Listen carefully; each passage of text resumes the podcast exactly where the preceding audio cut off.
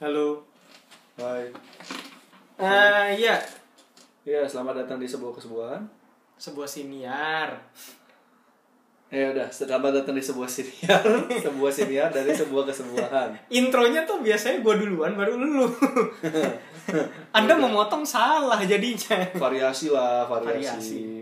Ya kan? Ya udah. Ini tuh eh, rekaman kedua kita. Iya. Dalam satu hari Karena tadi ada karena tadi gangguan. ada sedikit kesalahan teknis. Iya. Ada gangguan-gangguan. Tadi ngomongin apaan ya? Oh iya. eh, ya udah.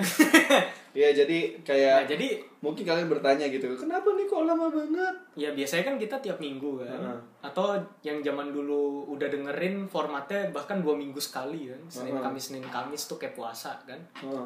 atau selasa sabtu kan Heeh. Tapi sekarang kenapa bisa jadi dua minggu sekali? Karena Aldo ada kesibukan gue juga ada. Tapi dia kesibukannya lebih dikit. Iya. nggak dia bersantai di rumah. Gua tapi gue kerjanya enam hari. bersantai sih gue di rumah tuh baca buku apa beresin rumah tuh dia masak. kesibukannya me time sih.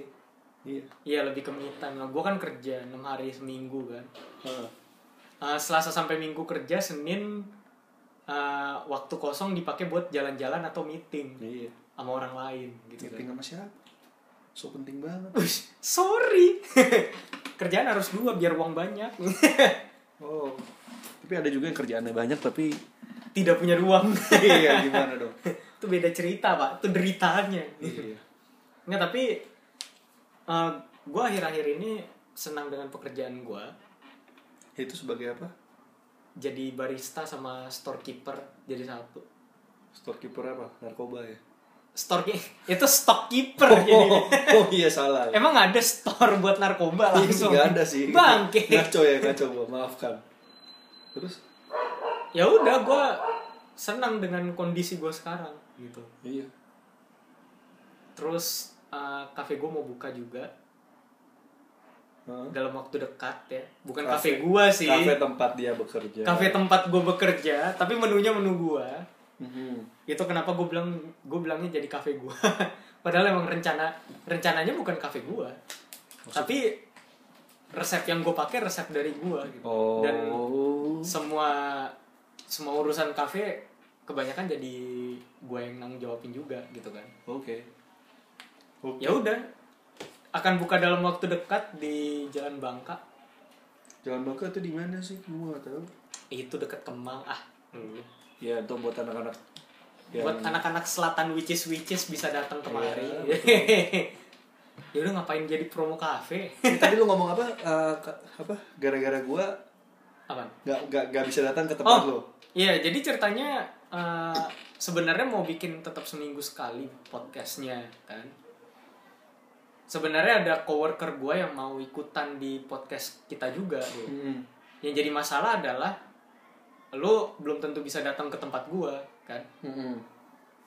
tapi emang seremnya gini sih sebenarnya dibolehin Hmm. sebenarnya dibolehin kalau lu datang terus kita bikin podcast di situ boleh Hmm. cuma yang jadi masalah adalah ketika nanti ada customer datang gua harus ngelayanin kan harus nge-pause Iya. itu doang yang agak susah itu tapi sisanya sih iya tapi sisanya sih aman Emangnya nggak ah, emang nggak biasa nggak rame gitu? ada aja yang Rame. datang Pasti rame. bukan rame sih tapi ada aja yang datang kan kafe belum buka juga kan tapi Hmm. memang orang-orang yang beli di sana tuh agak trafficnya cukup Cukup padat. cukup padat eh gimana ya nggak padat juga sih dok cuma ada aja yang datang dan jam-jamnya tuh agak-agak aneh Contohnya jam aneh gimana nih? misalkan nih setengah jam sebelum tutup Ah, datang oke.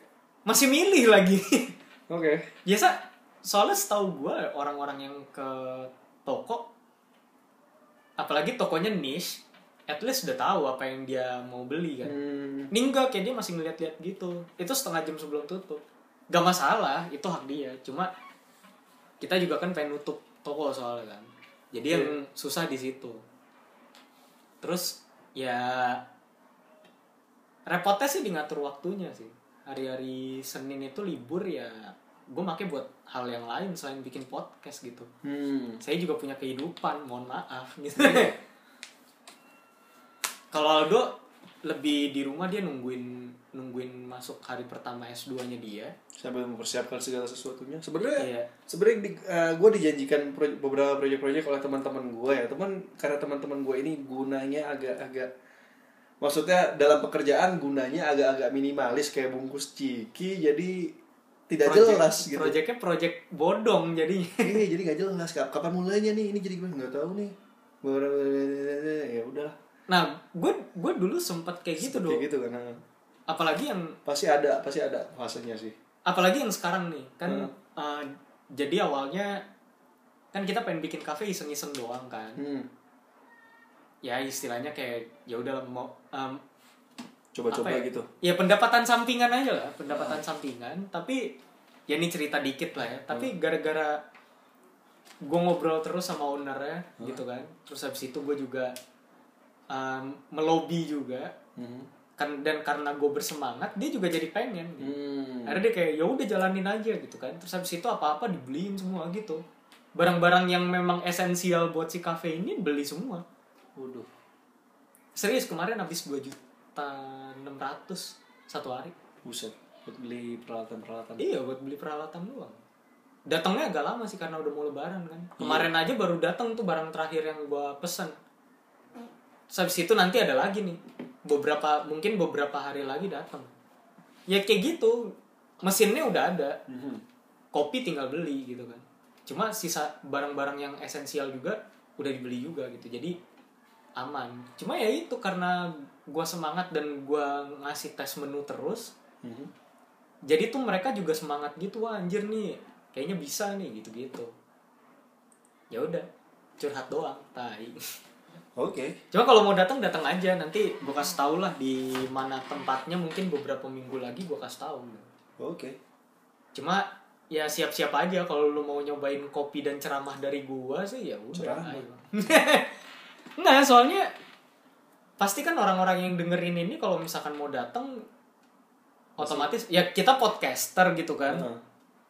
tidak bisa dipungkiri kalau kita bakal ngobrol sama mereka juga Iya. gitu atau mereka ngajak ngobrol kita kan Iya. Betul sih. iya benar kan benar jadi kayak ya Tempatnya luas ya sih, luas ya. enggak enggak tokonya sendiri sih ya toko doang gitu Oh.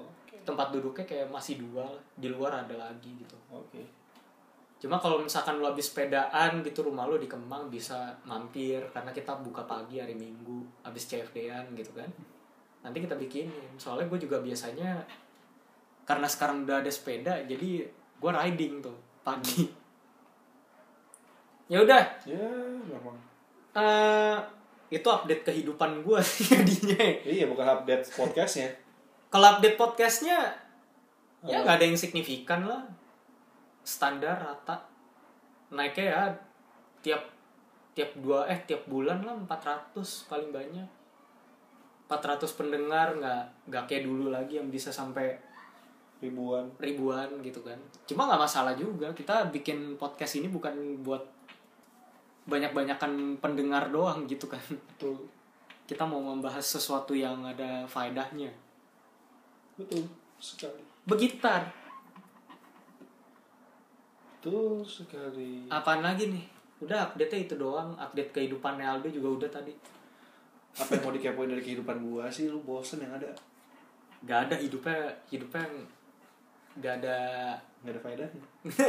nggak ada ini kalau kata orang petasan businya nggak boncos. Petasan busi aja. lo tau petasan busi kan Apaan tuh? busi kalau dibanting itu bar Oh, terbang gitu petasan yang itu. Iya. dia tuh kayak petasan boncos hidupnya kadang Kadang. kadang nggak selalu kadang dia bisa lebih menarik dari gua Iya. Ya itu kan ya, istilahnya kan kayak roda kehidupan ya. Kadang di atas, kadang di bawah. Gitu Iya. kan. Jadi kadang kalau misalnya lu compare hidup lu sama temen lu, temen lu yang lagi di atas, lu compare sama hidup lu di bawah, nggak nggak apple to apple bro. Iya. Jadi mending- apple to apple itu ketika hidup lu di atas dia juga di atas Iya, ketika lu di bawah dan dia juga di bawah. iya Tapi kan masalah kan gak ada yang tahu. Kalau dia bilang, oh, eh, lu, lu segitu aja. Ini kan lagi di, di puncak hidup lu kan. Ini puncak hidup gue, gue segini. Ya bisa jadi. Bisa jadi dia belum di puncaknya loh. Iya. Jangan- Bisa bisa jadi itu masih tip of the iceberg. Iya, ja- jangan jangan sombong dulu Bambang ya iya buat mohon maaf kalau yang ada yang namanya Bambang ya bukan maksud saya menghina anda gitu tapi kan itu kan lagi ngetren kan kayak dulu kan tidak semudah itu apa Ferguson. Florentino dan lain-lain. Sekarang kan tidak semudah itu Bambang ya. Kenapa jadi Bambang jadi populer gue juga gak ngerti sih. Nggak nggak tahu juga gue Bambangnya bukan pakai G pakai K. Iya. Bambang. Bang bambang. Iya bangnya bang. Jadi bang, bang. Bangnya namanya bang. Iya jadi bang ya kan. Tai lah. aneh ya. Nah jadi apa tadi? Kenapa jadi ngomongin roda kehidupan sih? Ya jadi maksudnya ya udah intinya nggak usah mengcompare hidup lu dengan hidup orang lain gitu ya karena masing-masing punya jalan ceritanya sendiri ya kan? Punya jalur pertandingan sendiri. Segala sesuatu ada waktunya. Kenapa jadi, anjas kenapa jadi akun dakwah ya? Ya udah. Dakwah dark side anjing. Dakwah dark side. Udah udah gak Udah aktif bubar. itu. udah gak aktif ya? Kagak udah bubar kan? Udah bubar? Iya udah bubar. Kenapa sih? Padahal menarik gitu. Adminnya malas. Hype nya udah hilang. Iya sih. Hype nya udah hilang. Ya terus apa yang mau kita bahas hari ini? Soal apa soal bahasa lagi sih sebenarnya. Bahasa kayak lagi. bahasa basi bahasa cuma lebih spesifik kali iya. ini gue mau bahas tentang salah satunya ya soal ketukangan. Bukan menghina profesi tukang tapi banyak gitu kan yang di Indonesia itu kan segala macam dia tukang-tukang kan iya. Kayak contohnya lu nonton Sidul zaman dulu ya. Sidul kan ceritanya insinyur kan. Hmm. dibilang sama Mandra tukang insinyur ya kan? Iya. Jadi lu sekolah misalnya capek-capek ke luar negeri gitu ya. Lulus jadi insinyur. Di temen lu yang ngerti apa oh tukang insinyur gitu kan. Kayak ini juga apa, Apa? eh, ini kalau lu pernah nggak sih pengalaman hidup lah gitu? Apa? Kalau gue pengalaman hidup gue pernah. Jadi gue ditanya di pertemuan keluarga. Hah? tanya kan sekarang kerja apa? gitu kan saya situ gue bilang oh jadi barista gitu. Hah. oh tukang bikin kopi. Gitu. Kayak gitu. Gue gue nggak merasa direndahkan sih. Iya gue tukang buat bikin kopi ya. Iya. cuma kesannya kan kayak lu tukang gue belajar iya gue gue belajar lama-lama iya. tapi dibilangnya kayak begitu kalau misalnya ada orang yang gak ngerti hah tukang bikin kopi jadi lu kerja di warkop sekarang nah, Nah. ada juga yang ada kayak yang gitu. mikir kayak gitu kan soalnya anggapannya kan beda-beda kan lu Iya. bilang tukang tukang apa dulu kan? ada yang menganggap tukang itu sebagai profesi yang ahli emang karena menurut KBBI kan tukang itu kan ahli Mm-mm. kalau misal baca baca di KBBI ya Ahli tukang dalam itu bidangnya. ahli dalam bidangnya nah tapi sering kali tukang itu dianggapnya kerjaan yang remeh remeh-temeh remeh-temeh gitu. padahal enggak loh contohnya lagi kayak waktu pengalaman gue ya waktu itu kerja di kantor gitu kan ada di divisi gue divisi HR tuh ada yang lagi uh, koneksinya terganggu internetnya terus dok panggilin si ini dong anak IT kan itu si si ini Si sebutnya Ek. si Ek gitu ya si ya udah sebut namanya si Udin gitu ya dok panggilin mohon maaf buat yang namanya Udin tapi emang zaman sekarang masih ada anak milenial namanya Udin ya ada Ada ya, masih? Syarifuddin Iya sih. Dia sebut aja namanya Udin gitu ya. Dok panggil si Udin dong, ini uh, komputer gue nggak bisa connect internet, tapi yang lain bisa connect internet. Oh ya udah bentar ya, terus akhirnya gue chat lah si Udin ini, bilang Din datang ke sini nih, komputernya si Bambang nggak bisa connect internet, connect internet sedangkan komputer gue dan yang lain bisa. Terus terus si Udin malas, oke dok bentar ya, gue lagi ada kerjaan nih gitu kan. Udah lama tuh ada setengah jam gitu gak datang datang. Nah si Bambang ini ngomel ke gue, ini tukangnya mana sih? Gue bilang, parah lu ya si Udin lu katain tukang. Lu emang bener kan tuh kan tukang benerin koneksi internet kan? nah. Iya tapi gak gitu juga. Masa lu dia sekolah lama lama S1 capek-capek di di apa di suatu universitas ternama ujung-ujungnya lu samain kayak tukang kan gimana gitu kan? Iya lu panggil tukang. Iya padahal itu karena waktu itu konotasi di pikiran gua ya tukang itu untuk kerjaannya remeh-temeh padahal enggak gitu kan. Ya jadi contohnya lagi kayak gimana ya kayak contoh plumber ya iya tukang ledeng kan? uh, plumber tukang ledeng. Nah tapi ternyata tukang ledengnya dia ini nih bukan sekedar tukang ledeng biasa yang ka- kalau tukang ledeng biasa paling plumber biasa kan yang benerin dari rumah ke rumah gitu kan. Tukang pipa yang benerin ledeng rumah apa pompa pompa air rumah dan lain-lain. Ternyata nih dia tukang ledengnya levelnya udah dari kantor ke kantor. Jadi lah kayak apa ya kayak perkantoran di Sudirman Tamrin tuh dia semua dia yang semua nanganin. gitu kan. Terus itu ya kerjaan lu apa? Oh gua yang benerin apa ledeng pipa. Oh tukang ledeng? Nah itu kan langsung berasa orangnya kalau tersinggung kan anjir gue rendah banget rendah ya. banget gue gitu. Padahal kan levelnya dia dari kantor ke kantor gitu kan. Nah, ini gue bukannya menghina yang dari rumah ke rumah ya yang rumah ke rumah juga juga bagus kerjanya gitu kan. Eh, tapi kan maksudnya satu lagi kan bisa aja kan dia emang belajar apa ya istilahnya belajar tentang perledengan perpipaan udah lebih lama dibandingkan dengan yang gak gak belajar atau cuman yang cuma coba-coba akhirnya jadi profesi gitu kan. Berdasarkan pengalaman. Berdasarkan pengalaman gitu kan. Itu kan berbeda gitu kan. Itu tuh contoh kayak ya sering kali di Indonesia tuh segala macam tukang-tukangin misalkan kayak lagi kerjaan lu apa? Landscape artist hah? Yang gimana tuh landscape artist iya misalkan lu punya taman di rumah lu punya kebun di rumah mau dibikin gimana pohonnya pohon ini di mana pohon itu di mana itu gue semuanya semua gue yang bikin oh tukang, tukang kebun. kebun. Contoh kayak gitu. Contoh kayak gitu tuh. Tapi sebenarnya ya itu karena kita punya apa ya kalau kalau gue sih nganggapnya itu salah satu stereotip juga Iya. stereotyping sebenarnya. Stereotyping kalau atau Iya. cuma mempermudah karena orang Indonesia Orang terlalu malas buat males buat cari kata buat lain cari gitu. padanan kata yang tepat. Heeh, sama kayak itu yang tadi gue kasih tahu di Gramet heeh. gue bilang sama Aldo iya kayak misalkan kata-kata yang menegasikan sesuatu iya kayak menolak Heeh. buruk satu lagi tadi satu lagi gue lupa menolak buruk eh, jelek iya tercela gitu Heeh. kan nah eh, sebenarnya itu kan bahasa yang menegasikan kan? Heeh. tapi daripada orang capek-capek mikir begitu ya udah misalkan jelek nih tidak bagus Iya. gitu kan Terus habis itu apalagi tadi anjing lah jelek terus tercela tidak Heeh. terpuji Heeh. gitu kan terus eh, tidak elok gitu Heeh. kan itu eh apa ya, kayak kayak dulu kita zaman SD aja Iya. kayak zaman SD kan misalkan eh apa eh Apaan? oh sinonim antonim Iya, sinonim kan? antonim, biasanya kan baik buruk gitu kan. Ini Heeh. nggak baik tidak baik gitu kan. Iya. tampan tidak tampan Iya. gitu kan. Terus habis itu bodoh tidak bodoh gitu. Nah itu tuh gue bukan bilang ya gue bilang sih tadi. Maksudnya eh, orang Indonesia terlalu malas cari padanan katanya. Cuma kadang juga kita karena kata-katanya terlalu banyak di bahasa Indonesia itu sendiri kita juga jadi malas tuh mikirin padanan Iya. kata yang tepat karena terlalu banyak memang gitu. Pusing udah pusing duluan jadi udah ngomong gitu gitu. Iya. Padahal ya kalau misalkan apalagi ya kalau misal mau cari padanan kata ya misalkan kayak tadi internet. Hmm. tukang benerin internet gitu. Tukang kabel gitu. Iya, kang tukang, tukang listrik. Nah kalau misal beberapa perusahaan contohnya per- eh, perusahaan penyedia jasa internet. Hmm. padahal kan biasa kalau misalnya oh nih kita ada eh, apa namanya misalnya internet rumah gua error iya routernya error atau kabelnya kenapa-napa customer service akan ngomong oke nanti kita jadwalkan teknisi untuk datang ke rumah Iya. teknisi kan lebih terhormat gitu iya, loh tapi nanti tiba-tiba nanti kita udah tutup telepon nih. Eh, Emak datang tiba-tiba. datang. Kapan tukangnya datang? Iya. kapan tukangnya datang ah Endingnya sama. endingnya sama gitu padahal pakai tukang. Padahal dari penyedia jasanya udah bilang oh ya kami jadwalkan teknisi untuk datang di hari apa jam berapa gitu iya. Gua bilang, tuh kapan tukangnya datang nah itu Kapan tukangnya datang?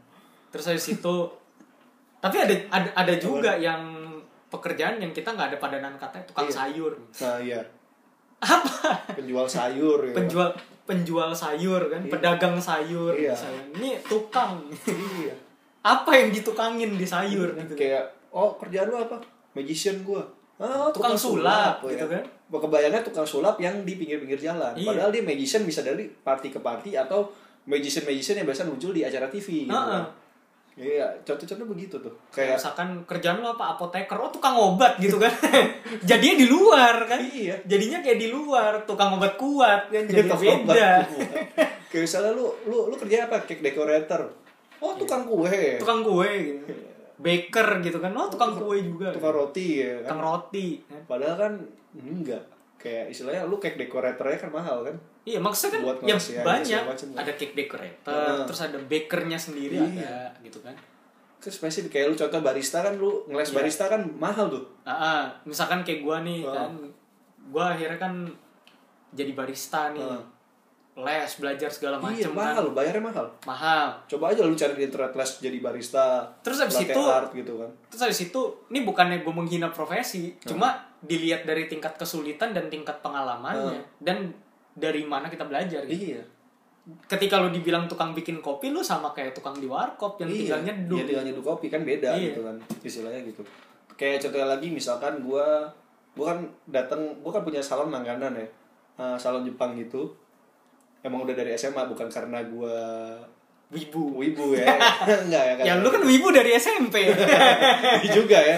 Jadi gua udah biasa datang ke salon itu gua sering kali gua ngobrol sama tukang Nah, ini gua ngomong tukang kan. capster Sama hairdresser yang capster capster ya bilang. kan sama yang ini rambut gua lah.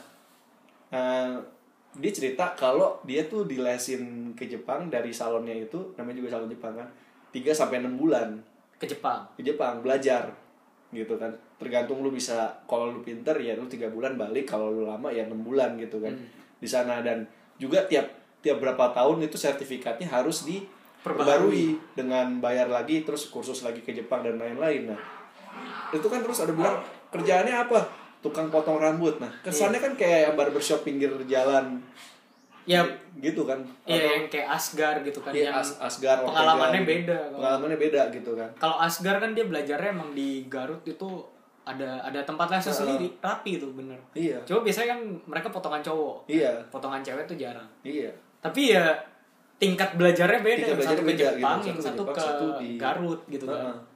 nah. Dan otomatis biayanya kan juga beda. Biayanya beda. Kayak misalkan mungkin lu ke tukang potong rambut asli Garut gitu ya sama ke tukang ini gua ngomong dua-duanya tukang ya gua mentukangkan keduanya gitu biar biar setara. Biar setara. Sama sama tukang potong rambut yang di salon Jepang atau salon Korea gitu kan. Iya. harganya kan beda yang paling lu yang di yang asli Garut atau apa Ortega gitu Iya, ya. orang Tegal asli. Ya kan? 20 30 20 ribu, ribu lah paling kalau yang satu itu bisa bisa lu sekali potong 100 ribu. Paling murah 55 lah. Iya, paling murah 55. Bahkan kalau yang 100 sampai 200 ribu. levelnya yang bisa mahal lagi ada kan yang salon-salon kekinian yang atau salon-salon klasik yang kayak yang mantep-mantep gitu kan Johnny Andrean, Peter Sairang gitu ya. Ya sebut merek aja lah soalnya mereka yang paling pro gitu. Nah, kan. Johnny Andrean Peter Sairang aja kan ada ada rate-nya kan Iya. tapi kalau yang paling mahal ada yang sekali potong 500 ribu Iya. Gitu. Kayak inilah kayak lu kalau misalkan lihat lu tau Paksi ya? pasti apa tuh Paksi itu barbershop barbershop elit gitu Hah? buat bapak-bapak biasanya. Itu harganya seratus ribu sekali cukur. Paksi Borobudur tuh. Tapi terkenal Paksi. Kenapa kayak gitu? Karena dia tuh udah sampai motong presiden. iya motong rambutnya presiden maksudnya. presiden. Motong presiden anjay. kayak contohnya lagi ya kayak di, di kayak di London nih di London di Inggris maksud gua ada kalau lu lihat pemain bola pemain bola kan banyak tuh yang sekarang rambutnya gaul-gaul ya Iya. kayak contohnya sebutnya Paul Pogba nah lu nggak tahu siapa Paul Pogba silakan googling rambutnya dia buset deh bisa minggu ini rambutnya dia ala apa minggu depan rambutnya beda lagi Iya. atau kayak Cristiano Ronaldo yang, ganti babak, pertama. ganti babak ganti gaya. kayak waktu Euro Euro 2012 ya kalau nggak salah ya. iya, ganti babak ganti gaya. babak pertama dia agak eh, belah belah kanan gitu kan babak kedua Babak selanjutnya belah kiri. belah kiri gitu kan nah itu kan ada hairdressernya sendiri nah itu tuh jelas banget dia ada hairdresser khusus pemain bola jadi kayak misalkan yang tadi gue sebut Pogba misal Ronaldo bisa jadi waktu si Ronaldo masih main di Inggris gitu ya bisa jadi sama bisa jadi atau mungkin eh, sesuai permintaan dia bisa travel ke Ronaldo di Italia Gue bayarin dah tiket Ah. lu udah sini gitu kan. Ya dia ke Italia, dia Pogba di Manchester, dia ke Manchester. Misalkan siapa? Eh, Oliver Giroud. Giroud kan pemain Chelsea di London, dia ke London dibayarin lagi. Iya. Bisa jadi kayak gitu levelnya yang hairdresser yang udah mendunia gitu kan. Yang ribuan dolar. Ya ribuan dolar sekali potong tuh udah gak tahu udah berapa berapa duit tuh pem- pemasukannya gitu Iya. ya. Kayak itulah tukang cukur presiden kan ada Iya, tuh kan. Dia Nah, it- itu biasanya orang-orang dari Paksi. Iya. Kalau di Indonesia ya itu 100 ribu sekali potong. Tapi mereka potongnya pro banget. Iya. Kayak gitu. Dan peralatannya juga beda. Misalkan lu yang tadi ke Asgar apa, gitu kan. barbershop Asgar sama barbershop yang Jepang atau Korea ya paling di situ dia ada gunting paling tiga gunting ya tiga Iya. empat gunting kalau yang di sana yang di salon beneran wah ada ada gunting yang jenis apa yang apa lagi Iya, ada gunting yang bengkok ke kanan ke Iya. kiri. gitu. Heeh, ada yang kayak gergaji Iya. kayak sisir kayak apa gitu kayak gergaji. Beda-beda, lebih variatif. lebih kan. variatif Jadi gitu kan rambut lu tuh lebih lebih pro iya lu mau yang macam-macam bisa gitu Iya. kan sedangkan kalau yang ke Asgar misalkan eh, mau eh, bang potongin kayak Ronaldo dong kayak Cristiano Ronaldo gitu kan. Iya, ternyata dipotonginnya kayak Ronaldo yang Brazil. Iya. Bisa jadi kayak sisa gitu. depan doang kayak sushi. Sisa depan doang kan karena dia tahu bisa aja kan dia nonton bolanya waktu waktu tahun 2002 iya. Setelah setelah 2010 ke atas dia gak nonton bola gitu kan. Udah gak sempat bisa aja kan. Iya. jadi dia tahu oh Ronaldo iya iya iya. Ini Ronaldo yang depannya doang gitu kan. Iya. Itu contoh Contoh, itu contohnya contoh, kayak ya. kayak ya tukang potong rambut itu yang paling gampang lah paling- capster sama capture hairdresser iya, gitu hairdresser hairstylist Heeh. gitu kan kayak gitu-gitu contohnya jadi terus kayak apa lagi ya? Iya. ya kayak itu loh kayak barista sama tukang kopi lah gitu. software engineer juga sama software engineer tukang oh tukang coding Iya, terus kayak Kayak- ini kayak apa ya? Kan ada orang yang fasih banget sama yang namanya networking, iya LAN gitu. Heeh. Tapi ketika lu ngeliat lowongan kerja, Heeh. lu ngeliat tuh uh, IT specialist gitu kan. Heeh. Ini IT specialist, Pak. Pakainya apa? Notepad. Oke, masih benar kan? Hmm. HTML kan? Pakai apaan lagi? Harus bisa Python, C++, C Pound, C, Java kan? Heeh. masih oke gitu kan. Tiba-tiba ada nih harus fasih menggunakan Office, harus fasih menggunakan Adobe, terus habis itu eh, harus bisa networking, terus habis itu eh, router sama LAN harus Ngerti. mampu, harus ngerti. Itu kan udah keluar jalur. iya Tapi yang dibilang nanti apa? Lu kan ngerti komputer, Bray. Lu kan tukang benerin komputer gitu. Berarti lu harusnya bisa dong. Iya. Gak semuanya. ngaco gitu kan kayak misalkan coder coder aja ada ada spesialisasinya kan iya ada yang di Flutter gitu kan ada yang dia di- front end atau back end gitu Ah, terus habis itu bahasanya beda lagi Iya. kan? Ada yang ya itu kayak tadi gue bilang kan Flutter ada yang bahasanya si Google tuh namanya apaan sih? Apaan? dari T lah pokoknya ada. C++ T! Ya, apaan, T? itu C. Apa ya? Apaan sih? Eh, aduh gue lupa lagi namanya. Bentar gue cari dulu.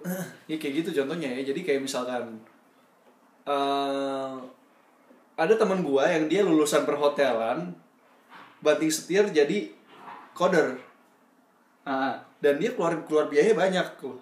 Jujur dia ikut bootcamp buat apa segala macam gitu kan. Si ini ya Ripka ya? disebut lagi namanya orang Selo. namanya. Ya gitu ya contohnya. Itu tuh dia keluar keluar duit puluhan juta gitu kan. Dibandingkan dengan yang mungkin gitu kan. Oh tukang ah, oh IT spesialis atau oh tukang benerin komputer oh tukang benerin software. Sama yang mungkin cuman ngertinya coba-coba gitu. Ya beda tentunya gitu kan. Iya. Pastinya expertise-nya lebih beda. Jadi sering kali kan disamain sama orang yang nggak ngerti gitu kan. Atau graphic designer contohnya.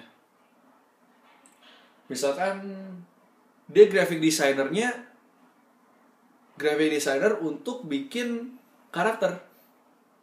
Ngerti kan maksudnya. Il- Illustrator Ada juga- sorry Illustrator. ada juga yang buat animasi. Atau buat animasi ada nih lowongan kerja harus bisa Photoshop Illustrator Premiere Pro InDesign, Premiere Pro, terus habis itu harus bisa Corel Draw, iya harus bisa animasi. Lu mau nyari apaan Pusing. sih anjir? Kayak contohnya temen gue kan ada dia video editor Contohnya ya gampang lah video editor Ah. Dia video editor untuk wedding Gak bisa dia suruh bikin animasi itu Tapi orang banyak kan mintanya begitu, Iya. harus bisa animasi juga. Kan Anda itu video editor Iya, katanya. nggak bisa begitu gitu. Atau dia biasa bikin wedding atau mungkin vlog-vlog orang kayak gitu. Jadi yang nge-cut video tinggal di Iya. mana. Dia di- diminta untuk bisa bikin 3D Efek 3D gitu. Misalnya bikin Iya. Godzilla gitu kan. Bikin naga Indosiar gitu kan. Kan nggak bisa. Gak bisa, itu kan dua dua kemampuan yang berbeda gitu. Terus habis itu ada juga orang yang bisa bikin 3D effect. Kayak misalkan si Rael, hmm. VNGNC tuh. Hmm. Kenur gitu kan. Dia kan mereka berdua tuh bisa kan bikin 3D model gitu kan. Hmm. Tapi ketika lu minta dia animasi 3D, mereka belum tentu bisa gitu Iya. kan. Mungkin bukan skillnya dia. Kalau misalkan bisa ya bagus gitu kan. Iya, Tapi bukan berarti pada saat lu lihat kayak gitu berarti lu nebak-nebak. Berarti lu bisa ngedit foto gue sampai jadi Ganteng kayak. ganteng gitu kan. Enggak juga. Padahal defaultnya kurang enak dipandang gitu. Iya kan? Gitu. kalau misalkan muka lu udah ampas mau digantengin mau kayak mana? Mendingan tempel muka baru aja gitu. Tempel muka baru dong. Sulit soalnya. Kadang ada orang yang kayak gitu yang nganggep kalau pekerjaan itu bisa dirangkap gitu. Nah, psikolog juga sama. Psikolog gitu bisa. Juga kayak sama misalkan nih ya spesialisasinya Aldo itu di klinis kan Hmm. konseling dia bisa tiba-tiba family therapy mati dia karena belum ada sertifikasinya gitu karena dasarnya Kalau konseling sama family therapy ya oke bisa nyambung lah. Tapi kayak misalkan ya biasanya dia psikolog untuk ya ngurusinnya orang-orang stres, orang-orang ber- eh, memiliki ke- kesehatan mental terganggu. Terus tiba-tiba disuruh anak-anak yang berkebutuhan khusus iya, misalkan biasanya biasanya dia dewasa. Misalnya dewasa terus ke anak-anak ya dia agak susah per- perlu untuk menyesuaikan. iya Atau- apalagi yang berkebutuhan khusus Iya. lebih gila lagi kan atau Lo lagi ngurusnya- juga bisa jadinya disuruh ngurusin eh nganalisa turnovernya karyawannya, budaya pekerjaannya, budaya Administrasi. administrasi itu apaan kayak gitu kan. kayak gitu kan Mumet. itu mumet. kayak lu disuruh bikin HR nih human resource development gitu kan tapi lu ngerjainnya admin gitu kan Iya. itu aja udah gak nyambung gitu Nah, itu tuh banyak banget gitu. terus habis itu human resource developmentnya dibutuhkan S1 dari mana saja gitu kan Iya. ya itu namanya lu nggak butuh HR lu butuh admin Iya, karena ya beda gitu kan beda. Nah, itu kan di Indonesia masih banyak banget ya. Iya, kayak misalkan kayak kalau di Amerika kan dibilang gini kan, apa? eh, minimal oh eh, minimal umur eh maksimal umur 21 tahun memiliki 10 tahun pengalaman kerja gitu. Anjing, dari umur 11. Hah? Anda alumni Charles kayak gitu-gitu kan ada kan yang kayak gitu kan kayak misalkan lo eh, fresh graduate mempunyai pengalaman kerja 7 tahun. tujuh tahun di bahasa pemrograman ya iya kali kan lu gimana nih ceritanya kerja sambil S1 fresh grad gitu kan Kenapa jadi ngomongin mati aja ya? Tapi emang benar kan, itu kan- kesinambungan sih emang. kesinambungan jadi dari stereotip lo ngomongin tukang sampai ke gimana orang Indonesia meremehkan pekerjaan makanya dia ngomongin tentang tukang kan Hmm. ngomonginnya jadi tukang gitu soalnya kayak apa lagi ya kayak misalkan eh, Apa? kerjaan kerjaan yang kagak ada tukangnya paling kan pembalap. Hmm. olahragawan biasanya nggak ada pasti ngomongnya langsung atlet atlet apa atlet apa Ada nggak bilang, oh, lu kerja apa? Oh, tukang main bola ya. kan? iya kan nggak ada kan ada. atlet bola gitu kan pemain bola Iya. Oh, lu apa? Pelari. Oh, tukang lari. Iya, Maksudnya- lariin apaan emang Maksudnya tukang lari, tukang lari apaan? Lari dari kenyataan. iya Gitu kan? terus kayak misalkan koki gitu kan kalau koki kan tukang masak kan Iya. Ya kayak koki aja tukang masak. Oh, tukang masak berarti bisa masak semua masakan ini belum iya tentu. kayak misalkan masakan Zimbabwe pasti anda bisa nggak Belum mungkin tentu, belum tentu Kayak contohnya ya, kan biasa kan kalau di Indonesia ya Chinese food, European food, Asian Sama- eh, ya Asian lah sebenarnya Asian food, European food sama Indonesian food kan. iya Kenapa dibedain? Karena kompleksitasnya beda semua. iya Kayak misalnya contoh Indonesia sama Asia aja bisa dibedain Iya. karena beda jauh Kayak contohnya lu bikin capcay sama lu bikin rendang.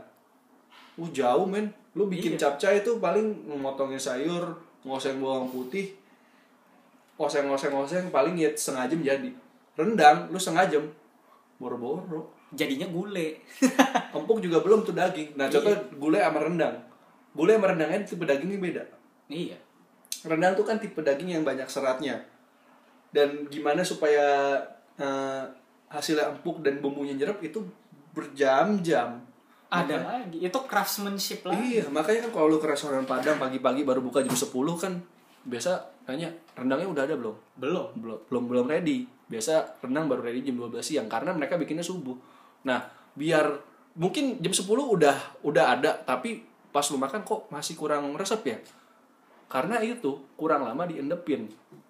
Contoh kayak gitu tuh. Ini soal masak karena gue bisa masak lah ya, tapi nggak nggak pro juga gitu ya, dan nggak mau jadi pro juga buat apa gitu kan? Kayak contoh ya lagi European food sama Asian food. Misalkan manggang daging, caranya beda caranya beda.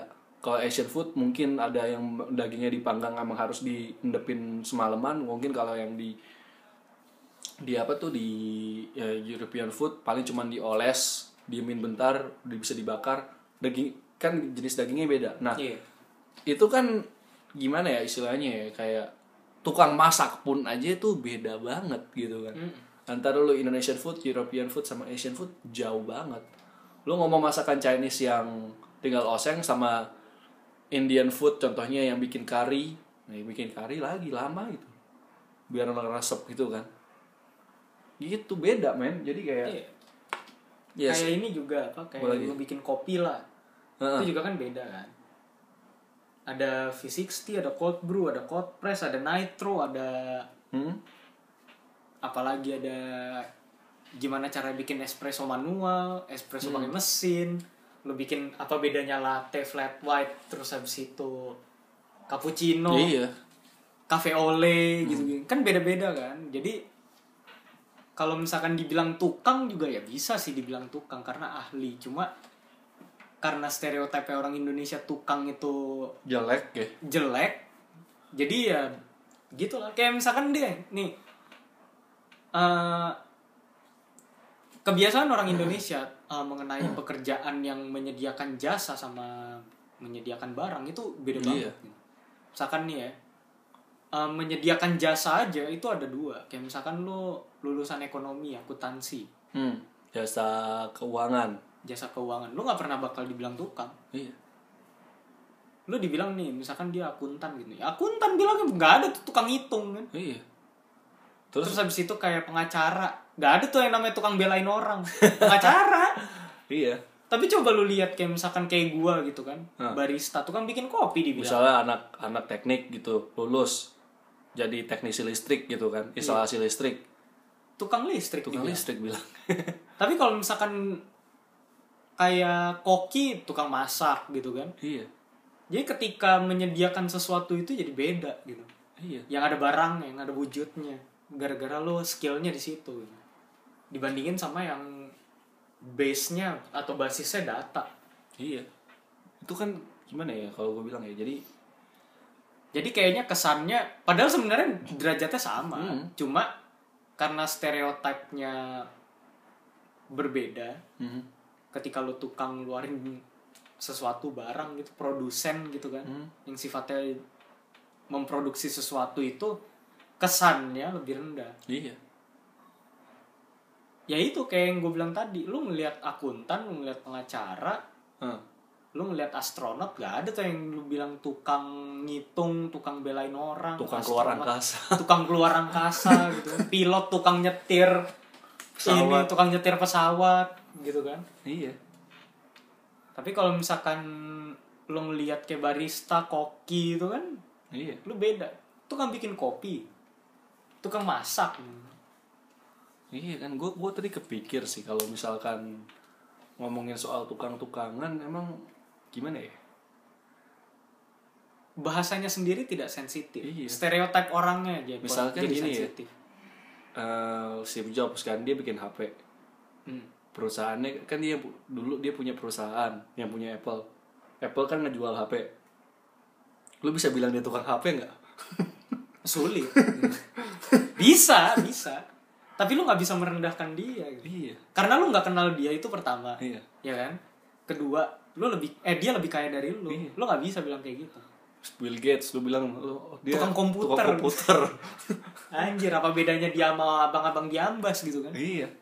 Kayak gitu aja. Jadi sebenarnya sih stereotip orangnya Iya. gitu kan. Apalagi kalau misalkan tukang itu sebenarnya nggak masalah lah Hah. buat kita. Yang jadi masalah adalah ketika orang melihat kesannya lebih rendah. Iya kesannya lebih rendah. Itu- dan biasanya ngomong kayak gitu pun nggak manusiawi. Iya kayak misalkan nih lagi lama gitu. Hah. dulu lama banget sih ini tukang ini iya. Kayak tadi yang temen lu kan. Kayak misalkan padahal itu seumur loh itu seumur padahal. Ya kayak misalkan gini deh. Kemarin gue pernah disuruh bikin uh, pas gue barista pas di fluid itu dibikin uh, es kopi susu 7 biji. Hah, lama kan? Hah, gue diteleponin anjir. Hah. dibilang lama banget sih mas. Ya lama. Orang bikin es satu fresh gue bilang gitu kan. Terus kayak mbaknya nggak terima gitu. Hah. Saya situ dibilang ini saya cancel ya mas. Loh ini udah jadi tiga udah jadi empat. Masa masih mau di cancel lu mau bayar? Gua bilang gitu. Ya apa ya kadang suka suka nggak tahu nggak tahu kalau itu kerjaan susah. Jadi Iya. kesannya menggampangkan gitu. Iya. Stereotipnya di situ menurut gua. Ketika orang bilang tukang mereka menggampangkan pekerjaannya iya. Padahal sebenarnya enggak. Cuma kita yang agak sensitif sama bahasa-bahasa yang kayak gitu karena Iya. kebiasaan misalkan kayak ya itu tadi sih kayak contohnya lagi ya waktu itu temen gue ada dia kan konsultan marketing Hmm. dia pernah update di Instagramnya pastinya lu lihat lah ada yang chat ke dia Hah? mau tanya soal gimana inilah tentang jasa ini ini dia langsung sebut harga di awal si temen-temen gue ini ya Ah. Dia sebut harga Temen iya, kita ini. temen kita ini. Dia ngomong iya sekian harganya. Nah. terus eh customernya nggak terima kayak hah? Konsultan macam apaan? Bayar. Lu kira orang Indonesia goblok? Dia ngomong kayak gitu dong. Mau mau ngibulin ya? Konsultan mana ada yang bayar? Langsung kayak dia tuh diupdate ke instastory-nya dia dan gue ngeliat kayak hah? Ini customernya oh. Ini customernya apa sih customernya dia kurang disayang apa gimana sama orang tuanya dah kayak kayak kayak sensitif banget. Iya bilang konsultan bayar ya bayar lah lu lu parkir di Indomaret ya bayar. Iya tiba-tiba nanti muncul kayak ninjanya Naruto gitu Iya, kan tukang lu- parkirnya push gitu parkir di Indomaret Alfamart ya bayar 2000 ini konsultan marketing mau mau memasarkan produk lu nggak mau bayar ha menurut lu? Itu kan aneh kayak dia nggak ngerti mungkin dia nggak ngerti kali. Ini jasa konsultan itu sebuah buah jasa yang profesional dan harus dibayar gitu kan. Sama lah kayak misalkan eh, tempat kerja. Iya. Gue dulu underpaid overwork kan Nah. gitu juga gitu. iya banyak sih banyak banyak banget. Mungkin dibayar tapi dibayarnya murah banget. Sampai lo akhirnya jadi struggling buat ke sana doang Iya. Nah itu tuh di di negara ini ya kalau lihat episode berikut episode berikut episode, Episode episode sebelumnya kan ada yang kita bahas tentang ini ya. iya soalnya emang kadang gini orang Indonesia terkadang nggak menghargai usaha manusianya gitu Iya. Mau lo harusnya menyesuaikan menyesuaikan gaji itu dengan pertama jarak kedua skill aja. ketiga kebutuhan. Nih, lo harus kayak gitu kalau enggak ya nggak bisa lah ini sedikit banyak tentang masalah customer service atau komplain-komplainan ya. Seringkali kan orang-orang di Indonesia adalah begitu dapat bad service dari suatu jasa atau misalkan kayak internet, provider, telepon atau eh, moda transportasi dan sejenisnya adalah pas dia komplain keinginan nggak di ini adalah ngomong saya masukin koran ya zaman dulu. Iya. atau saya masukin media sosial ya biar tahu semuanya. Atau dia ngomong lagi soal oh jadi gini pelayanannya. Iya. Udah sebesar ini. Ya itu menurut gue nggak menyelesaikan masalah. Kayak waktu itu ya gue pernah eh, di satu satu apa namanya su- suatu ketika gue beli pulsa mau beli pakai data. Gue buka aplikasi satu provider. Tiba-tiba gue mencet itu gak bisa-bisa gue refresh dong. Iya. Gue refresh lama-lama lah kok pulsa gue habis. Gue baru beli pulsa tuh lima puluh ribu. Hmm. ba gak ada 10 menit kok habis. Lah gue telepon dong. Gue telepon providernya dibilang iya mas soalnya mas tadi pakai paket data sekian kilo sekian megabyte dan itu dipotong langsung dengan pulsa gini gini gini gue ngomong dong mbak gini mbak saya tuh tadi buka aplikasi untuk beli paket data dan itu nggak bisa bisa mbak Hmm. Nah, logikanya aja mbak sekarang mbak coba pikir deh. Provider lain nggak ada yang kayak gini mbak. Nggak ada provider lain di Indonesia bikin apa mau mau beli paket data di aplikasinya dipotong pulsa atau dipotong paket data itu nggak pernah ada. Tidak ada di Indonesia. Gue ngomong kayak gitu gue ngomong kayak gitu. Mbak coba pikir deh mbak. Ini saya baru isi pulsa lima puluh ribu. Kalau misalnya saya buka YouTube buka Instagram dan buka lain-lain oke lah. Hmm. oke lah misalkan nggak eh, kepotong. Oke itu salah saya. Ini kan enggak saya kan cuma mau beli paket data. Paket data yang ini. Terus oh ya maaf mas atas ketidaknyamanannya terus eh, saya tidak nyaman. Ya memang saya tidak nyaman gitu kan. Terus kadang gue juga ngomong lagi eh, bukan kadang waktu itu gue ngomong lagi oke mbak ini jadi kapan kapan bisanya? Eh, dibalikin pulsa ya tiga kali 24 jam mas. Bilang bisa nggak satu kali 24 jam? Ini masalah simpel loh mbak saya rasa sih bisa mbak dengan gini gini gini. Kan gue ngomong langsung to the point. Iya. Ya bener satu kali 24 jam balik pulsa gue dan gue beli paket data abis itu. Itu kan jelas. Lu maunya apa bisa apa enggak. Hmm. itu kan lu ngotot tapi jangan langsung ngomong nanti saya masukin koran gitu. nanti saya masukin Instagram udah viral bla bla bla nggak nggak nggak nggak ini saudaraku ya lu mau komplain boleh Tapi tapi kalau misalkan kayak gitu. iya ya kalau menurut gue sih ya kalau lu mau nge-share share aja Share aja, tapi nggak usah lu usah. ngomongin ke customer service Iya. karena kadang customer service juga nggak tahu apa-apa iya lu kayak lu sama aja kayak lu misalkan tabrakan gitu terus habis Hmm. itu orang buta nggak mau nolongin karena emang dia nggak ngeliat kecelakaan itu. Terus habis itu lu kata-katain lu bilang nanti saya aduin ya karena kamu Iya. buta kamu gak kadang bantuin saya gitu. Makanya kadang ya ini gue kasih tips sedikit. Kalau lu nggak dapet customer service customer service itu kan emang nggak salah. Hmm. bukan salahnya dia itu tapi salah dari satu timnya. Biasa gue akan bawa-bawa ke ini emang gimana sih mbak? Cara eh, komunikasinya atau strukturnya gimana sih mbak? Ini aja kok kayak ribet banget ya gue pernah kayak gitu jadi waktu itu eh, nyokap gue pesan satu tiket pesawat udah dibayar tapi belum dapat email notifikasi udah dibayar. Hmm. pas telepon ke customer service bilangnya ada gangguan ada bla bla bla bla bla. Udah dua hari ya gue telepon dong habis itu. Gue langsung ngomong ini gimana sih mbak? Ini dua hari, dua, dua hari kayak gini loh mbak. Kalau misalkan ini transaksinya gagal kan saya harus beli tiket lagi. Nanti kan tiketnya harganya udah naik mbak. Hmm. itu duit itu duit loh mbak. Benar naiknya bisa aja mahal loh mbak kalau misalkan saya tiga hari lagi misalkan diproses tiga hari dan bisa beli dengan harga tiga hari yang lalu sih nggak apa-apa. Tapi kan udah pasti naik. Iya. emang situ mau tanggung jawab apa gimana? Terus dibilang eh gue coba ngomong apa lagi ya gue lupa gue bilang ini jadi gimana mbak? Ada kepastian nggak? Bilang nggak bisa kasih kepastian. Kok bisa nggak ngasih kepastian? Iya selalu bukan wewenang kami. Iya saya tahu bukan wewenang mbak mbak. Tapi mbak dan komunikasinya dengan tim yang ngurusin ini itu gimana? Dia disampaikan nggak sih atau jangan-jangan nggak disampaikan. Hmm. atau enggak saya saya bisa nggak ngomong sama timnya minta kasus kayak gini. Eh, di cepat diselesain oh itu bukan wewenang kami mbak. Terus gue ngomong kayak gini. Mbak mbak yang ngomong kayak eh, denger kayak gini kasus kayak gini nih udah berapa lama mbak? Oh, udah sering apa enggak mbak? Atau ada berapa orang yang ngomong kayak gini? Terus bilang iya ada yang ngomong kayak gini. Gak bosen apa mbak di dikomplainin hal yang sama? Jahat aja tapi benar tapi benar. Tapi itu itu gue mainin psikologinya. Iya iya. Gak bosen apa mbak di dikomplainin sama hal yang sama padahal ini masalah simple loh mbak. Iya. Gue ngomong kayak gitu gak lama kemudian email notifikasi masuk. Berhasil. Tapi kan gue kayak itu gue Gua harus capek dulu mikir. Iya. Buat bikin buat bikin masalah simpel itu kelar tuh mikirnya lama banget. Iya kenapa lama banget gitu kan?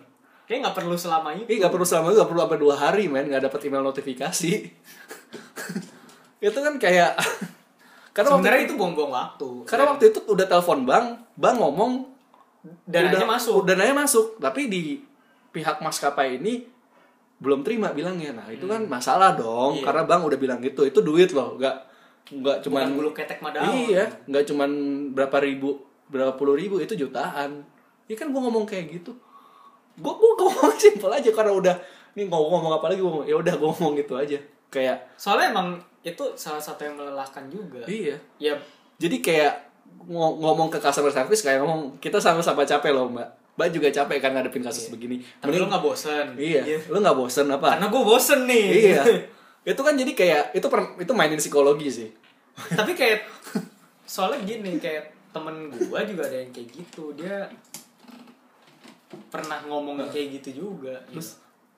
terus dia sempat ngebahas juga sama gua gitu Heeh. kita diskusi gitu pas Heeh. gua di kantor yang lama dia bilang emang emang orang Indonesia tuh kalau soal birokrasi tuh emang nggak benar nggak pernah benar emang kayak yang bisa simple malah diribetin gitu Iya, kayak apa ya? Kayak lu oh.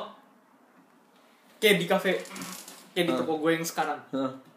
Lo tau GoDaddy gak sih? GoDaddy nggak tahu gue Penyedia layanan website sama sama marketing gitu lah. Heeh. Jadi biayanya per bulan gitu. Ah. Terus owner gue pengen mutusin uh, kontraknya. hmm. Karena udah setahun terus dari situ dia masih ditagihin selama empat bulan terakhir. Hmm.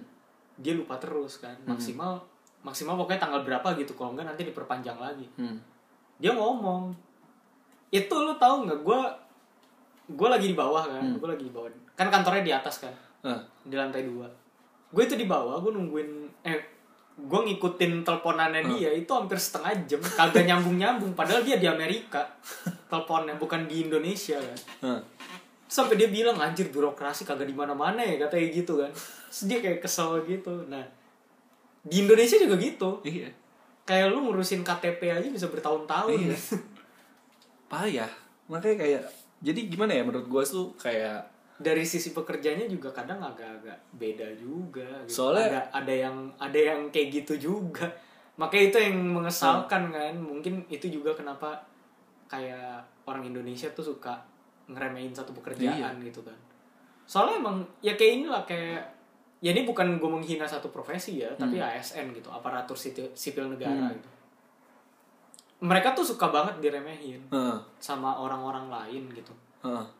Tapi di sisi lain orang tua orang tua tuh sangat memuji gitu kerjaan wah ini gajinya gede gitu gitu Iya. bla bla bla gitu tapi di sisi lain kayak kita yang sebagai anak muda kita ngeliat ASN tuh anjir bikin birokrasi lama bla bla Iya. bla gitu. kayak temen gue kan ada yang cerita dia pernah magang di suatu kementerian deh nah terus dibilang kayak dia di gedung sebelah ke gedung sebelah Hmm. ada acara meeting pertemuan naik bus dong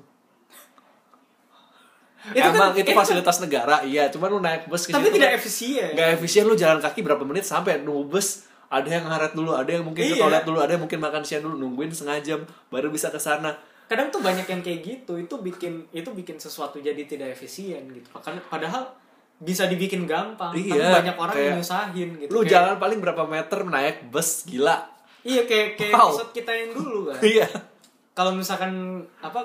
Di- bisa Kalau- dipersulit kenapa dipermudah iya gitu. kalau Ya, misalkan salah. bisa dipersulit kenapa dipermudah? Gitu. Iya kayak Kalau bisa susah ngapain gampang? iya Nah kayak gitu, lu emang dari sisi pekerjanya juga ada ada aja yang kayak gitu. Itu kenapa? hidup lu udah kurang susah apa apa gimana sih Lu ngomong, lu ngomong kayak lu susah banget gitu kan? iya Kayak inilah apa? Ning, nih agak agak OOT dikit lah, out of topic dikit. Tapi gue ngeliat tweet tuh menarik juga. Jadi Hmm. ceritanya ada orang nge-tweet dibilang gini. Bertahun-tahun lu ini politik ya. Hmm. Bertahun-tahun lu nyebarin hoax. Heeh. Terus ketika ada kerusuhan dibilang damailah Indonesiaku gitu. Heeh. ada yang mau percaya itu esensinya apa lo ngomong kayak gitu Iya. pertama itu nggak ada esensinya karena lo juga nyebar ikutan Terus habis itu pada saat dibilang salah sekedar mengingatkan sambil Heeh. lu ngasih emot yang sebenarnya tos tapi lu kira Doa. mereka doa gitu kan terus habis itu lu ngomong damailah Indonesiaku damailah negeriku bla bla bla semoga negara ini damai tapi lu nyebarin hoax gitu terus habis itu kalau lu disalahin udah nyebar emot kayak gitu terus habis itu ini kan hanya mengingatkan marah-marah terus habis Iya. itu dibilang biar kalian lebih hati-hati ya bukan soal hati-hatinya anjir itu kejadian yang gak bakal kejadian kalau misalkan lu gak ngasih tahu gitu Jadi mau siapa pun pemerintahnya, mau siapa pun presidennya, mau siapa pun Tuhannya atas Indonesia, Indonesia tidak akan lebih baik. Kenapa? Karena Anda.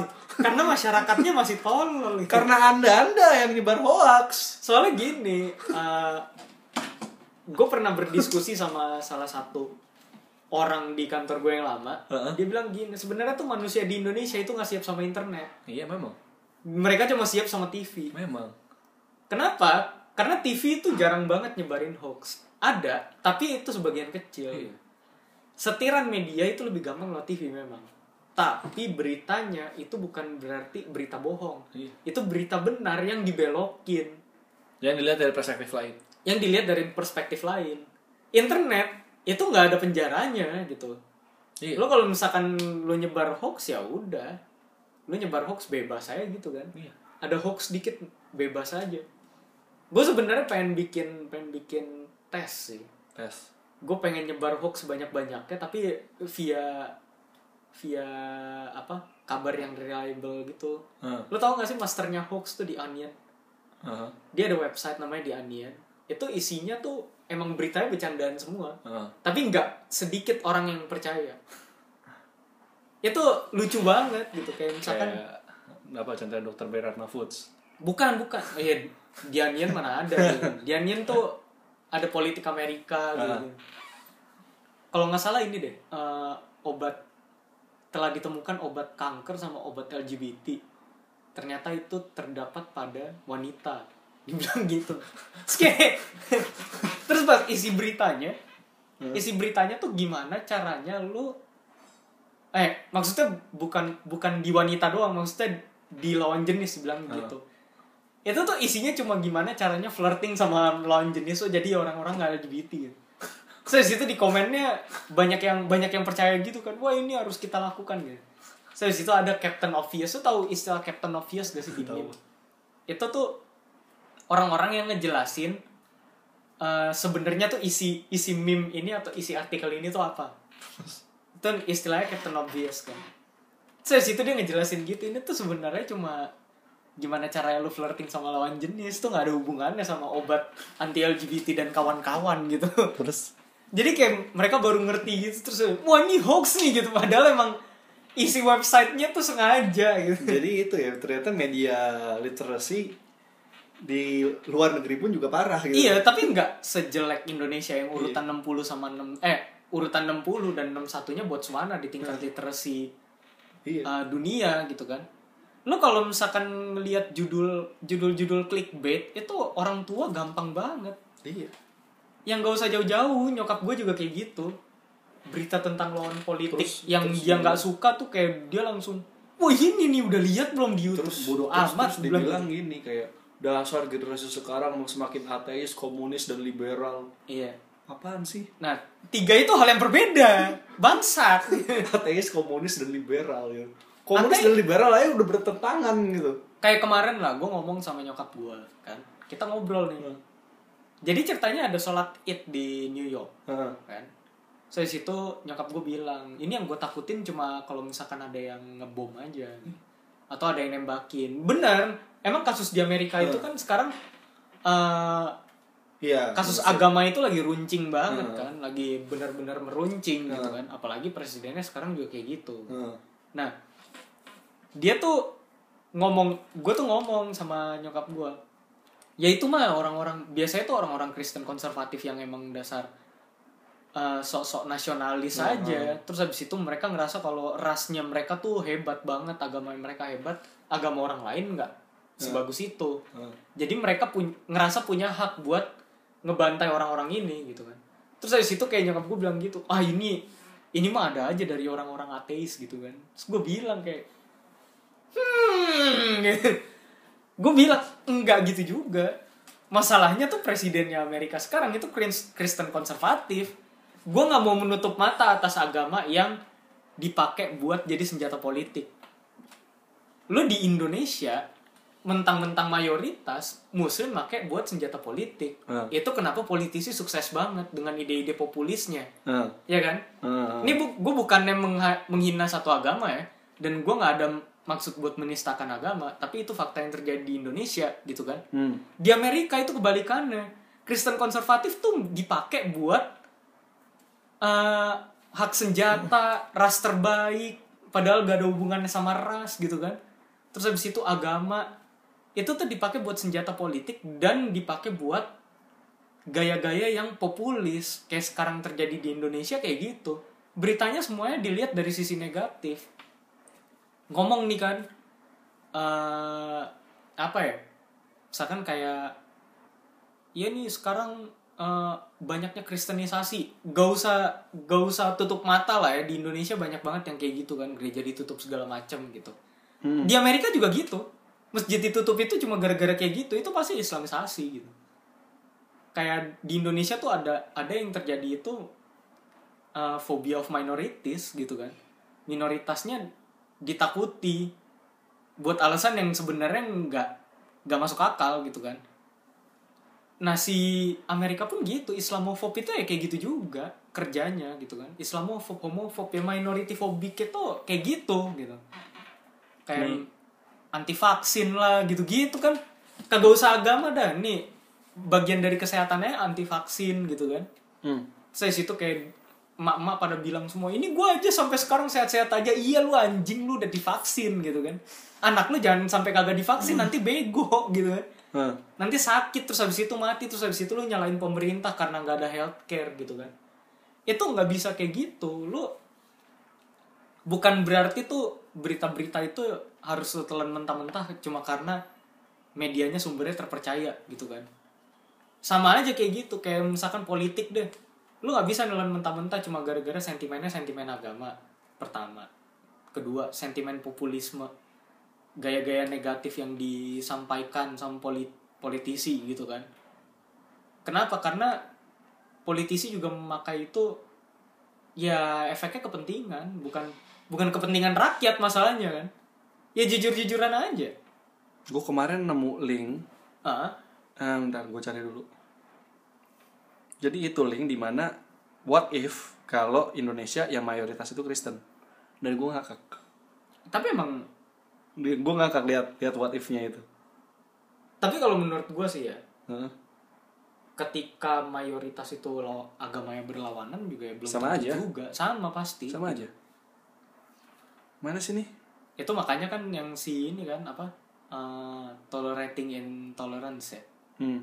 itu juga kan masalah juga kan Iya. jadi kayak ya itu kayak misalkan ya paling paling gampang itu contohnya ya di Indonesia Indonesia itu lo pakai isu-isu agama buat politik gitu kan.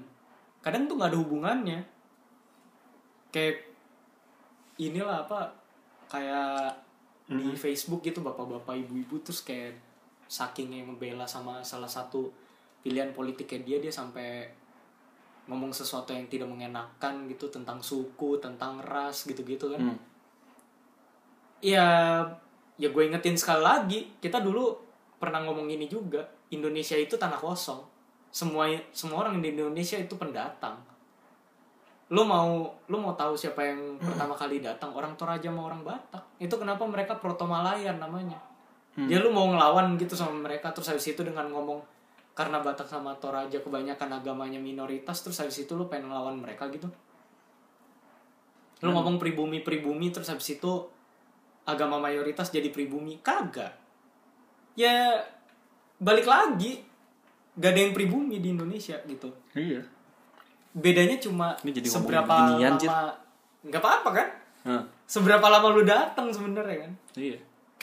ya kebetulan orang Chinese datangnya paling terakhir orang Arab di orang Arab sebenarnya belakangan lagi kan Sebenarnya kalau mau bilang yang paling terakhir orang bule.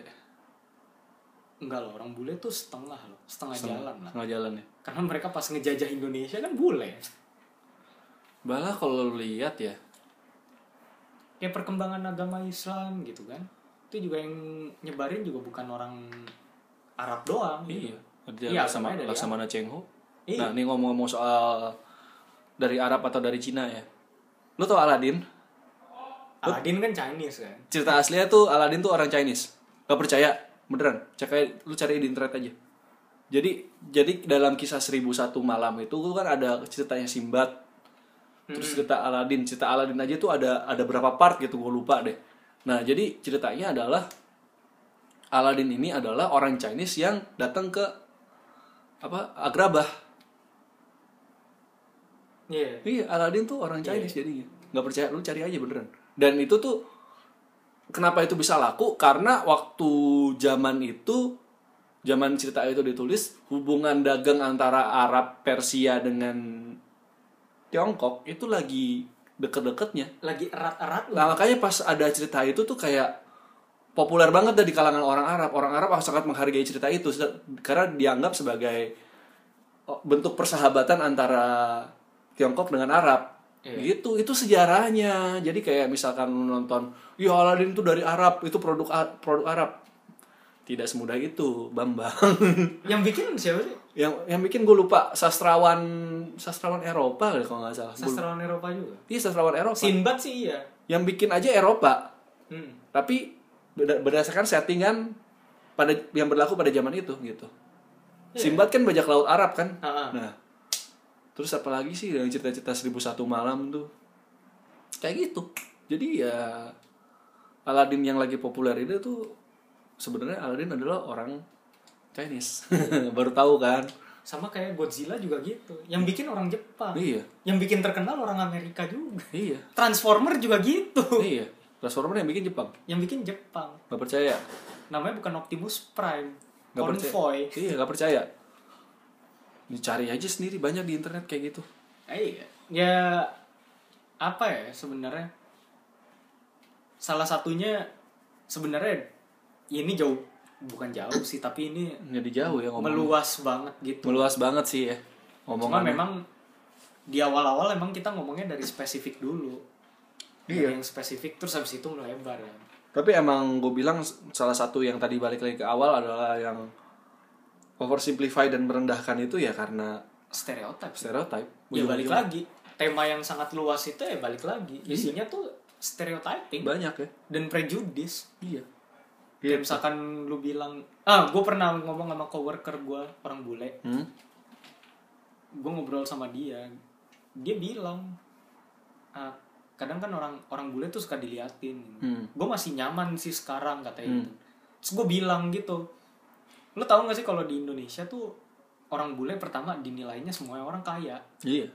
kedua karena mereka kulit putih sendiri Iya. mereka beda gitu. Sedangkan orang Chinese beda cerita gitu karena mereka udah punya stereotip sendiri gue bilang gitu. Terus habis itu dia kayak baru ngerti oh gitu gue baru dia baru enam bulan tinggal di sini kan. Hmm. sih ya udah kita kayak cerita-cerita gitu dan memang dia masih nyaman untuk sekarang diliatin sama orang-orang Indonesia katanya cuma dia bilang ini ini cuma ini cuma kulitnya doang. Dalamnya sama kita manusia juga. Dia bilang gitu. Dia udah sampai bilang kayak gitu. Contohnya lagi ya, ini gue ngomong soal buat anda-anda yang sering demo bela Palestina bela Palestina, gue mau tanya satu hal, pernah ketemu pengungsi dari Palestina nggak? Jadi bela-bela Palestina tuh bukan anda demo atau bilangnya iya kita cuma bisa demo karena kita nggak bisa ke Palestina karena akses bla bla bla bla. Ya lu nggak usah ke Palestina, bantu pengungsi di Palestina di sini banyak. Coba aja ikut jadi volunteer, jadi apa dengan senang hati menerima kok. Ketemu deh sama mereka deh. Biar lu biar otak lu itu isinya nggak cuman demo-demo doang. Nih, lu demo dibayar berapa sih? Dikasih Nasi bungkus. dikasih nasi bungkus sama dikasih ongkos ya. Lu jadi volunteer juga dapat bayaran yang sama. Bedanya apa? Lu taruh di CV pernah berapa bulan bantuin pengungsi di Palestina. Nilai plus. Sama lu taruh di CV pernah demo Palestina. Itu minus. Perusahaan males ikut dapat oh ini ini eh, terima karyawan yang tukang demo. Tapi Soalnya- kalau misalnya aktif soalnya mereka uh, merefleksikan ke depannya iya, kalau ada demo lagi mereka bakal ikut lagi Iya. itu menghambat produktivitas kerja Iya, tapi kalau misalnya oh pernah volunteer berapa bulan bantuin pengungsi Palestina, mungkin pak bantuin pengungsi dari negara-negara lainnya gitu. Itu oh orangnya sosial ya, orangnya baik ya, aktif, sadar akan kemanusiaan, nilai plus, Bro. Jadi udah dapat ongkos, udah dapat makan juga, sama-sama dapat ongkos dapat makan, CV lu nilai tambah. Jadi daripada mikirnya kayak begitu ya, jadi demo-demo terus ya, mending aksi nyata aja bro. Jadi kayak misalkan aksi membela kaum kaum duafa dan lain-lain di sini tuh banyak orang-orang dari Afghanistan, Pakistan dan negara-negara konflik lainnya yang musik ke sini tuh banyak dan mereka butuh pertolongan anda gitu. dan menurut Gitu. gue sih ini juga sih berhenti make jargon-jargon keagamaan buat sesuatu yang sebenarnya nggak nggak ada hubungannya sama Nggak, sekali iya. Dan gak ada esensinya juga. nggak ada esensinya juga kayak ya sorry nih gue nyinggung lagi gitu kan Mhm. cuma banyak orang yang bilang jihad jihad gitu kan Hmm. gue pernah dengar dari temen gue yang belajar teologinya Islam juga Mhm. dia kuliah di Arab dulu Mhm. eh kuliah di Mesir Mhm. dia ngomong kalau lo jihad itu dari hal-hal yang kecil kayak misalkan ngajarin ngajarin apa ya kalau zaman dulu lo ngajarin anak kecil perang biar nanti pas udah gede lo bisa perang gitu Iya. kan. kalau sekarang lo tuh ngajarin bukan perang lagi karena zaman sekarang itu perang lo itu bukan fisik Iya. tapi perangnya mental Iya. intelektual lo yang harus tinggi dibilang gitu Iya. lo jadi guru lo ngajarin anak kecil yang benar lo ngajarin mereka kebaikan lo ngajarin mereka ilmu-ilmu yang harusnya udah bisa mereka lakukan nanti buat ke depannya itu udah jihad bilang Iya. gitu jadi jangan jangan menyalahgunakan istilah jihad itu buat sesuatu yang sebenarnya nggak ada hubungannya gitu Iya. contohnya kayak gitu atau misalkan kalau orang bule kan dulu perang salib ya Deus full Iya. kan Iya. apa uh, when God's will ya kalau nggak salah Iya. itu juga kayak gitu kan ya sama Jadi kayak misalnya dibilang, "Wah, dia jadi martir, jadi martir." Oh, ya, kalau misalnya di Islam jihad, di Kristen martir gitu ya. iya Jadi martir nggak kayak gitu, Bro. kecuali ya lo mati mempertahankan pertama iman lo kedua kesejahteraan sesama. Iya. Itu martir. Tapi Itu kalau misalkan itu lu jihad gitu. kalau lu teriak-teriak apa istilahnya me- berperang melawan orang yang menindas lu berperang fisik literally gitu ya. Iya. Terus lu muduhin orang banyak dan akhirnya tanpa persetujuan gereja tanpa persetujuan komunitas Kristen lu atau tam- apalagi persetujuan Tuhan yakin tuh martir dan akhirnya lu mati terbunuh gitu yakin tuh martir iya. Bukannya lu cuman mengelampiaskan kebencian lu aja dengan terhadap satu kelompok gitu kan? Iya. Gitu. Gue juga inget sama salah satu omongannya tokoh Islam gitu. Mhm. gue lupa dari Indonesia tapi. Dia ngomong kayak gini. Eh, ketika lo melakukan hal-hal yang negatif berperang terus membantai manusia dan melakukan itu atas nama Tuhan yang lo pertuhankan itu bukan Tuhan tapi ego lo Yep. ketika agama lu ngajarin membunuh dan lain-lain ya itu berarti lu butuh agama lain. Dan lu butuh dan lu butuh otak baru kayaknya karena agama tuh nggak pernah ngajarin kayak gitu. Nga- ngajarinnya soal kasih kan. Tapi ketika lu mempraktekkan kekerasan ya berarti itu bukan mempertuhankan Tuhan lu mempertuhankan ego lu. Yep. begitar jreng. Gitu ya. Ya iya gitu jadi lah. deep talks ya jadi, jadi jadi jadi jadi melebar ke mana-mana. Ya udah daripada kita lebar-lebar karena udah lama juga ya jadi kita sudahi saja di sini. Kesimpulannya, Kesimpulannya- jangan suka stereotip itu yang salah pertama. satu type kedua jangan menyalahgunakan jangan menyalahgunakan stereotip itu buat menyerang orang lain. Mhm. ketiga belajar jadi manusia. Iya. dan manusia yang sebagaimana manusia. sebelum gue tutup gue mengucapkan selamat lebaran buat pendengar yang merayakan. Minal aidin wal faizin kalau misalnya kita ada salah-salah ngomong. Iya karena kesempurnaan hanya milik Tuhan. Tuhan dan Andra and the Backbone. Yoi. gitu aja. Oke segitu aja. Ya sampai jumpa di podcast podcast yang berikutnya ciao bye bye